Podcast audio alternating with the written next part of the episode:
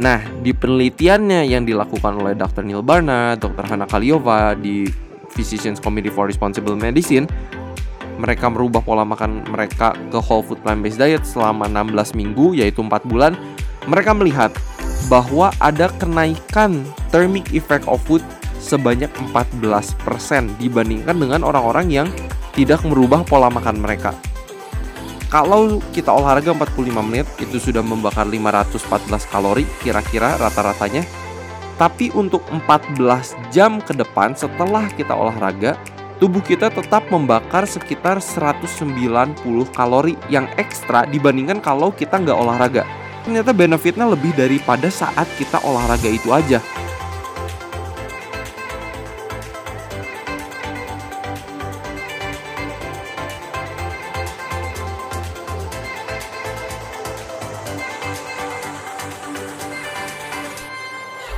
Halo semuanya, selamat datang lagi di podcast Sehat Seutuhnya bersama saya Willy Yonas.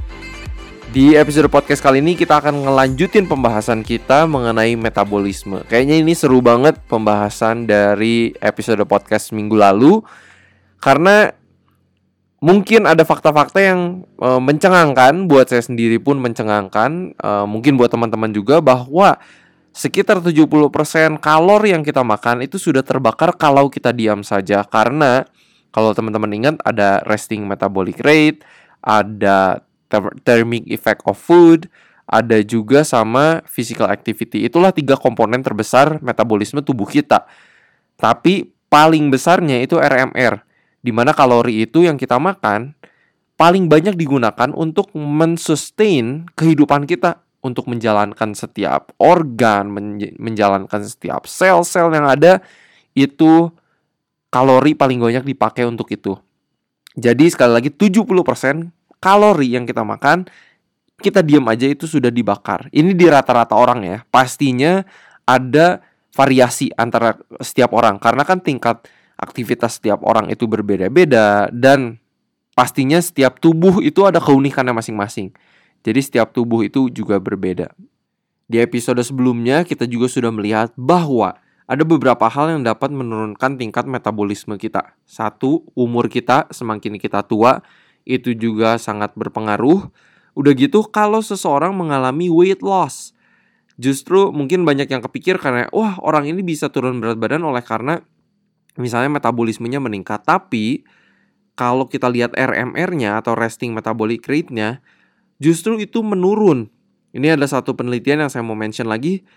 Orang-orang yang tadinya RMR-nya itu di 2600 setelah 30 minggu mengalami weight loss, join weight loss program, RMR-nya justru 1700-an. Jadi mereka diem aja yang tadinya ngebakar 2600 sekarang cuman 1700. Tapi mereka mengalami weight loss. Kenapa? Nah, ini yang kita pengen lihat lebih detail karena apa yang kita makan itu dapat mempengaruhi thermic effect of food khususnya di whole food plant based diet karena ada penelitian yang baru keluar tahun ini yang dilakukan oleh Physicians Committee for Responsible Medicine tempat kerja praktek saya uh, di pas di Amerika.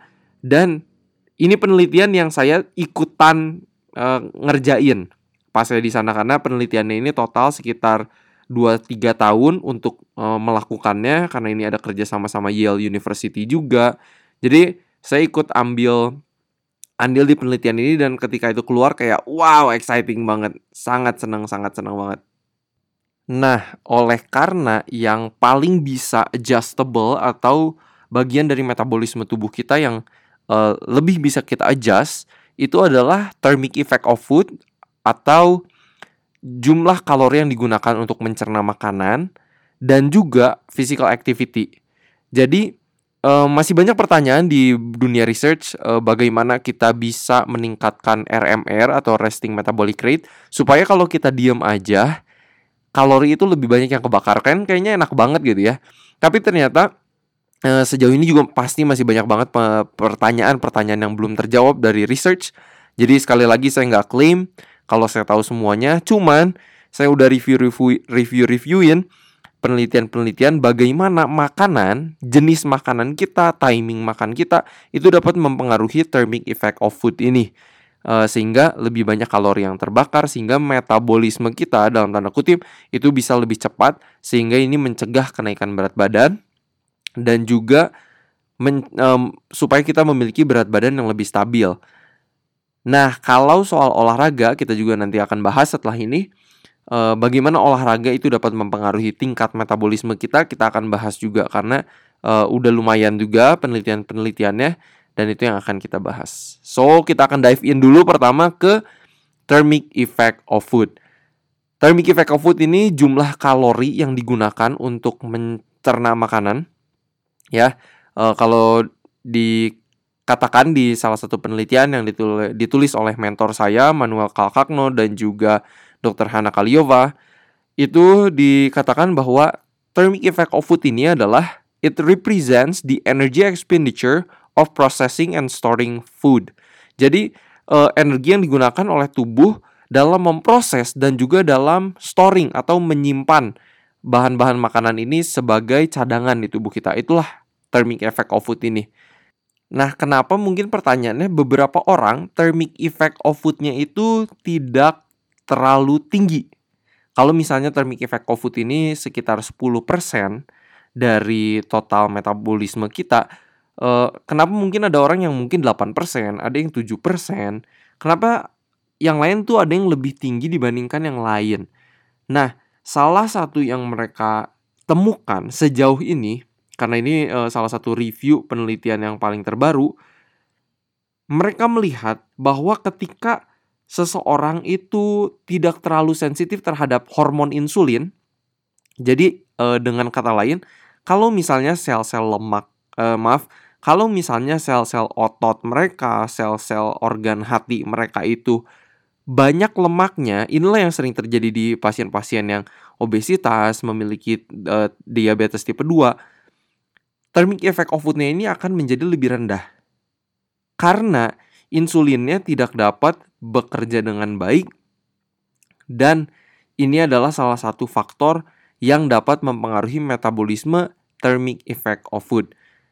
Nah, di penelitiannya yang dilakukan oleh Dr. Neil Barnard, Dr. Hana Kaliova di Physicians Committee for Responsible Medicine, mereka mau melihat apakah whole food plant-based diet Pola makan yang nabati 100% seutuh mungkin, yang low fat, nggak digoreng-goreng. Apakah ini dapat memperbaiki insulin sensitivity, mengurangi lemak-lemak yang ada di sel-sel otot kita, di sel-sel hati kita, sehingga thermic effect of food kita ini bisa menjadi lebih tinggi.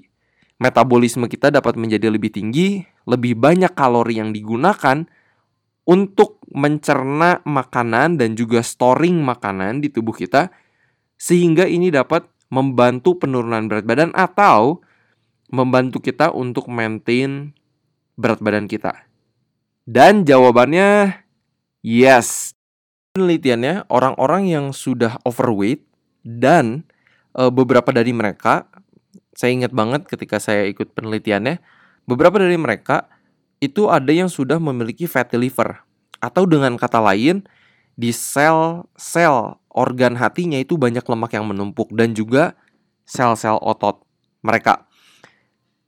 Orang-orang seperti ini yang di penelitian kita yang ada itu kita kirim ke Yale University karena di situ ada MRI mesin scanner yang khusus banget yang uh, jarang kan ini banyak dilaku digunakannya untuk uh, penelitian.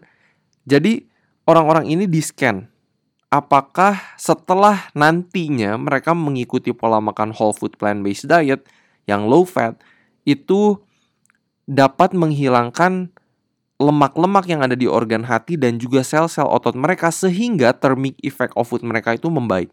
Dan setelah orang-orang ini mengikuti penelitiannya, mereka merubah pola makan mereka ke whole food plant based diet selama 16 minggu yaitu 4 bulan. Mereka melihat bahwa ada kenaikan thermic effect of food sebanyak 14% dibandingkan dengan orang-orang yang tidak merubah pola makan mereka. Jadi mereka mengalami weight loss, yes, dan thermic effect of food mereka itu lebih tinggi 14% dibandingkan dengan orang-orang yang tidak melakukan atau tidak merubah pola makannya ke whole food plant based diet. Jadi ini salah satu penelitian yang paling baru tahun ini di 2021.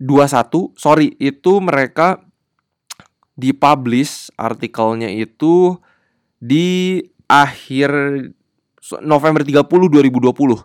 Jadi ini penelitian yang sangat-sangat baru ke hari ini ke awal tahun 2021 menunjukkan bahwa ketika seseorang mengkonsumsi whole food plant based diet orang-orang yang terutama di penelitian ini orang-orang yang sudah overweight yang lemak-lemaknya itu sudah menumpuk pada organ hati dan juga uh, sel-sel otot kita itu bisa membaik dan badan mereka menggunakan kalori yang lebih banyak untuk mencerna makanan sehingga mereka dapat mengalami penurunan berat badan atau memaintain berat badan yang mereka sudah punya bila mana kita sudah ada di klasifikasi berat badan yang normal. Jadi sekarang kita udah makin tahu alasan lain kenapa whole food plant based diet itu bagus dalam meningkatkan metabolisme oleh karena thermic effect of foodnya ini. Nah, kita mau bahas lagi apa lagi sih yang mempengaruhi thermic effect of food. Ini ada penelitiannya yang menarik banget kalau menurut saya. Dibandingkan ya ketika seseorang dua grup orang dibagi makan makanan kalori yang sama satu grup dari proses carbs, karbohidrat yang sudah diproses, satu lagi dari unprocessed carbs. Contohnya, kalau dari penelitian ini, dari sandwich yang dari tepung putih, kelompok satu lagi makan sandwich dari yang gandum, roti gandum. Tapi ini roti gandumnya yang benar-benar gandum ya. Mereka melihat bahwa thermic effect of food, metabolisme atau jumlah kalori yang dipakai untuk mencerna unprocessed carbs itu lebih tinggi dibandingkan dengan kalau kita makannya karbohidrat yang sudah diolah. Coba bayangin, kalori yang sama tapi satu itu dari karbohidrat yang belum diproses, tapi satu lagi adalah dari karbohidrat yang sudah lebih diproses, itu efeknya berbeda. Makanya kalau mungkin dalam kalau saya terjemahkan ke bahasa orang Indonesia lah ya. Kalau misalnya kita makan nasi hitam, nasi merah yang seratnya lebih tinggi, itu tubuh kita menggunakan lebih banyak kalori untuk mencerna itu sehingga bagus dapat meningkatkan metabolisme tubuh kita dibandingkan kalau kita makan nasi putih. Walaupun saya sendiri belum menemukan penelitiannya ketika dibandingkan seseorang yang mengkonsumsi nasi merah, nasi uh, hitam dibandingkan dengan nasi putih, apakah thermic effect of foodnya itu beda? Tapi kalau dari sandwich dari yang whole wheat sama yang pakai tepung putih itu ini penelitian yang saya baca. Jadi kalau kita mau meningkatkan metabolisme tubuh kita, alangkah baiknya kalau kita juga makannya adalah unprocessed carbs.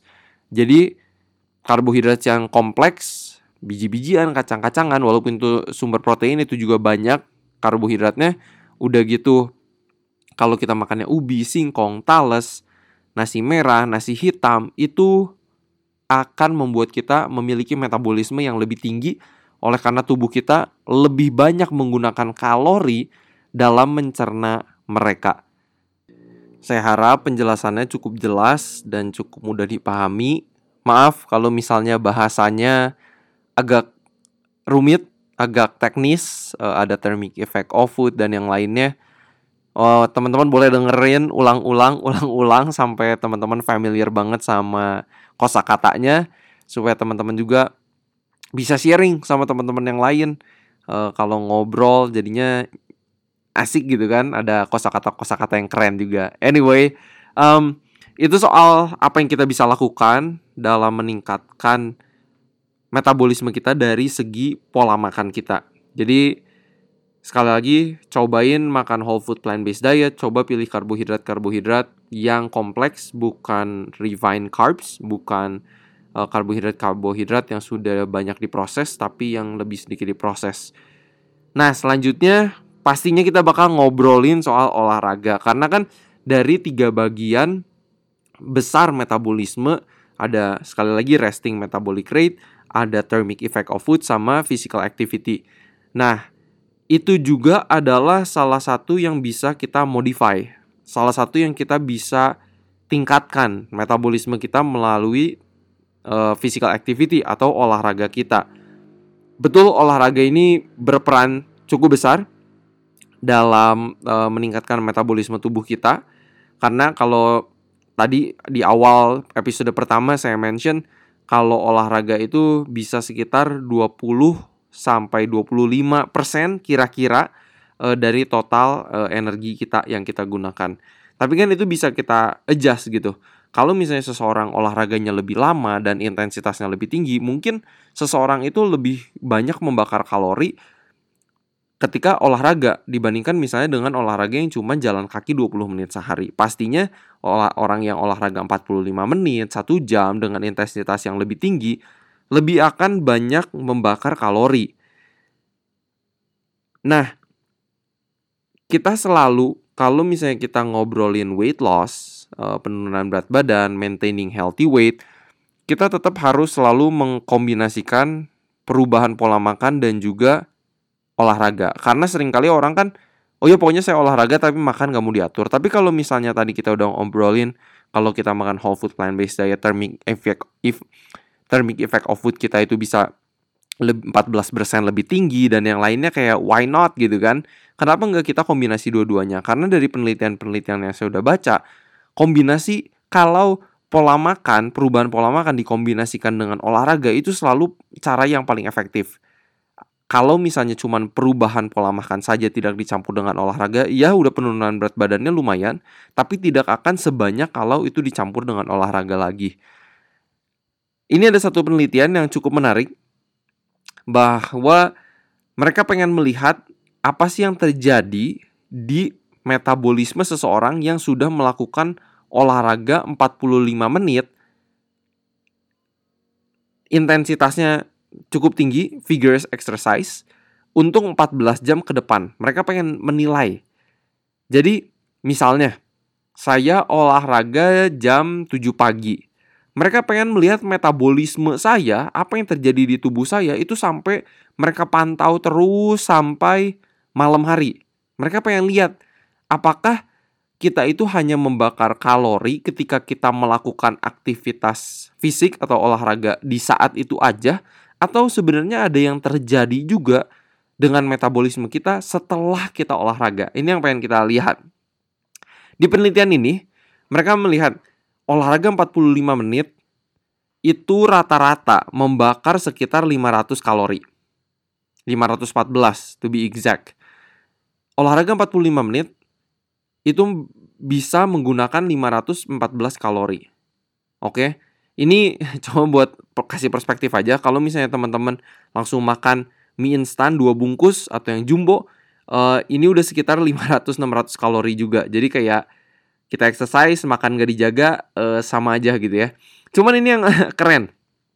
Oke, berarti kan kalau misalnya resting metabolic rate kita selalu jalan, kita diam aja sudah terbakar. Kalau kita tambah exercise kita 45 menit kita bisa bakar sekitar 500-an kalori. Sekali lagi tergantung dengan intensitas dan jenis olahraganya.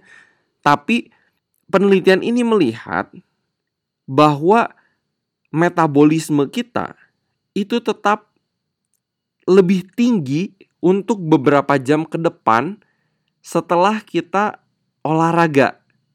Menarik nggak sih? Kita olahraga sekali nih hari ini 45 menit, tapi untuk 12-14 jam ke depan tubuh kita itu membakar kalori yang lebih banyak setelah kita berolahraga di pagi hari. Dibandingkan kalau misalnya kita nggak olahraga, misalnya hari ini kita olahraga 45 menit nih. Setelah olahraga itu, tubuh kita membakar tetap lebih membakar lebih banyak kalori dibandingkan kalau misalnya seperti besok kita nggak olahraga sama sekali, tubuh kita membakar kalori yang lebih rendah. Kalau dari penelitian ini yang saya baca yang judulnya uh, 45 minute figures exercise bout increases metabolic rate for 14 hours, mereka melihat bahwa kalau kita olahraga 45 menit itu sudah membakar 514 kalori kira-kira rata-ratanya. Tapi untuk 14 jam ke depan setelah kita olahraga tubuh kita tetap membakar sekitar 190 kalori yang ekstra dibandingkan kalau kita nggak olahraga. Enak banget nggak sih? Maksudnya kadang kita pikir oke okay, dengan olahraga sure kita bener ngebakar lemak, kita menggunakan kalori yang lebih banyak supaya bisa maintain berat badan kita juga lebih bagus. Tapi ternyata benefitnya lebih daripada saat kita olahraga itu aja. Ternyata setelah kita olahraga 14 jam ke depan, tubuh kita terus membakar lebih banyak kalori dibandingkan kalau kita nggak olahraga. Nah, olahraga sarannya itu 5-7 kali dalam satu minggu. Jadi ini bukan dua kali, tiga kali seminggu. Tapi kalau teman-teman para pendengar podcast kalian itu udah bikin progres, maksudnya dari yang gak pernah olahraga atau jarang sekali atau sekali-sekali jadi dua kali rutin seminggu tiga kali itu udah bagus banget. Itu udah progres yang bagus. Tapi sekali lagi sarannya untuk olahraga itu adalah 5 sampai 7 kali satu minggu. Itu adalah saran dari American Heart Association. Kalau ngomongin olahraga dan metabolisme inilah yang luar biasa. Jadi dengan kita diem setelah olahraga 14 jam kemudian kalau dari penelitian ini tubuh kita tetap ngebakar sekitar 190 kalori. Kan lumayan banget. Kalau kita olahraga satu minggu, bayangin. Kan lumayan banget tuh. Kita olahraga 5 kali satu minggu. 190 dikali 5 itu hampir ya anggap 200 kali 5 sekitar 1000 kalori yang kita bakar oleh karena kita olahraga tapi itu tuh efek setelah olahraga gitu jadi keren banget deh pokoknya exercise efeknya kepada metabolisme kita keren banget keren banget Oke, penelitian terakhir yang saya mau mention di episode podcast kali ini adalah penelitian ketika mereka mau melihat komposisi metabolisme seseorang yang sudah mengalami weight loss dan berhasil memaintain berat badan mereka. Karena kan sering kali banyak yang rebound tuh. Tapi mereka pengen lihat sebenarnya apa yang terjadi di komposisi metabolisme mereka buat orang-orang yang berhasil weight loss dan berhasil memaintainnya lebih dari satu tahun. Ketika mereka lihat resting metabolic rate mereka itu cuma 58%. Thermic effect of food mereka itu 10% physical activity mereka itu 32%. Jadi 32% kalori mereka digunakan di physical activity atau olahraga. Padahal resting metabolic rate-nya ya 58%, sedangkan mungkin bisa 60-70% gitu di beberapa orang. Tapi orang-orang yang berhasil memaintain berat badan mereka, weight loss mereka, sebenarnya resting metabolic rate mereka itu rendah thermic effect of food ya sekitar 10%. Tapi mereka bisa modify dari berapa banyak kalori yang mereka bakar atau mereka gunakan dengan berolahraga. Jadi kalau orang-orang yang misalnya nih udah weight loss, ngalamin weight loss, udah gitu mereka ya udah deh udah weight loss, olahraganya juga nggak nggak serutin yang dulu, udah gitu makan juga nggak dikontrol lagi, ya kemungkinan untuk naik berat badan lagi atau rebound ya besar banget. Karena kita udah tahu kalau orang mengalami weight loss justru resting metabolic rate-nya itu justru mengalami penurunan bukan kenaikan.